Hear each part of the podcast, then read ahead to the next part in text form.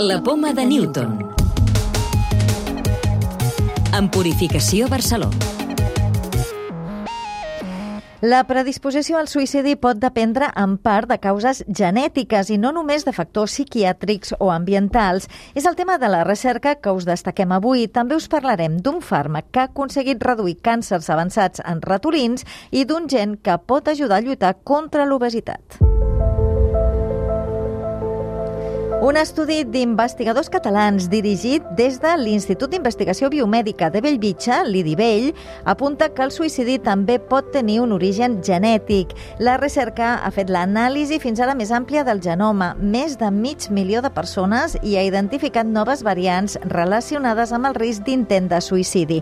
Unes variants que poden determinar fins al 50% d'aquest risc. Ho explica Fernando Fernández Aranda, director científic de l'IDIVell. Hem trobat que hi ha una part genètica que explica els intents de suïcidi, podríem parlar d'un 50% com a màxim, queda explicat per la genètica, però hi ha d'un 50 a un 60% que queda explicat per d'altres factors. Familiars que han tingut un, un intent de suïcidi, els fills poden tenir un major risc evidentment si això es conjuga amb d'altres factors ambientals i de personalitat. Entre aquests factors hi ha els psiquiàtrics, però també d'altres, com el tabaquisme, l'insomni o el nivell de vida.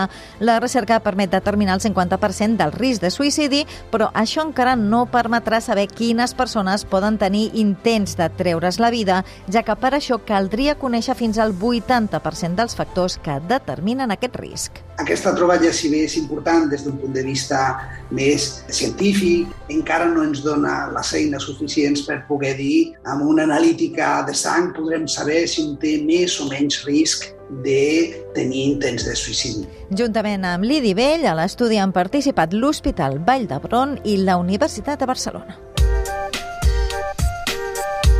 Més coses. Investigadors liderats des de l'Institut de Recerca Biomèdica han desenvolupat el primer fàrmac específic contra les cèl·lules mare del càncer que tenen un paper molt important en el desenvolupament de la malaltia. L'anticòs ha aconseguit reduir tumors de colon, cap i coll, esòfag i estómac en models experimentals amb miniòrgans que reprodueixen els tumors humans i en ratolins i podria ser útil en altres tipus de càncer.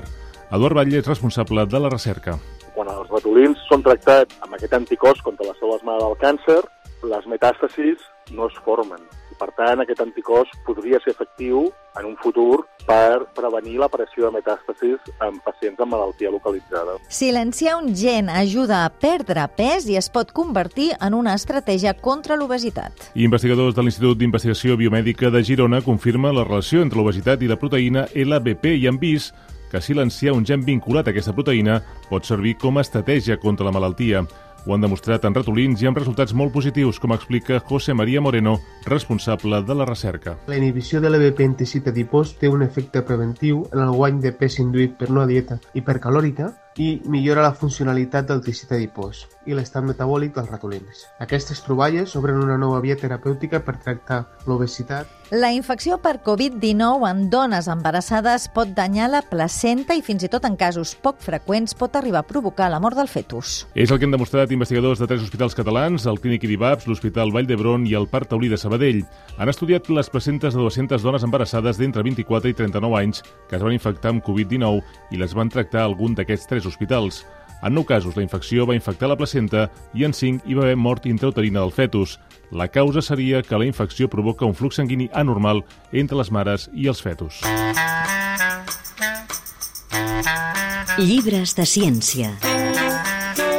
Aquesta setmana us recomanem un llibre que explica els últims avenços en astronomia i cosmologia d'una manera senzilla i planera, com si es tractés de notícies trameses a través de les xarxes socials. Últimes notícies de l'universo de John Marcaide, fundador de la Ciutat Espanyola d'Astronomia, ens parla, entre altres coses, d'ones gravitatòries, de l'espai-temps, de galàxies, d'exoplanetes, forats negres i matèria fosca.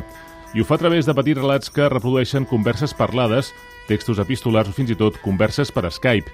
I en aquests textos, ordenats en capítols temàtics, anem descobrint de forma comprensible avenços sobre, per exemple, el coneixement d'exoplanetes, púlsars, quàsars o bé l'expansió de l'univers. En definitiva, una obra que resumeix els conceptes bàsics de l'astrofísica per a un nivell apte per tothom. La clau de volta.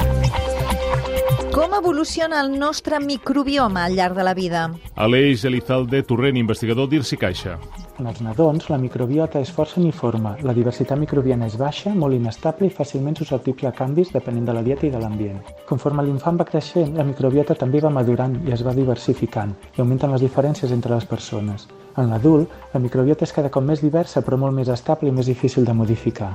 En la tercera edat, la diversitat disminueix i la microbiota es fa més similar entre els individus. Recordeu que podeu descarregar-vos el podcast de la Poma de Newton o subscriure-us al programa per rebre'l directament als vostres dispositius.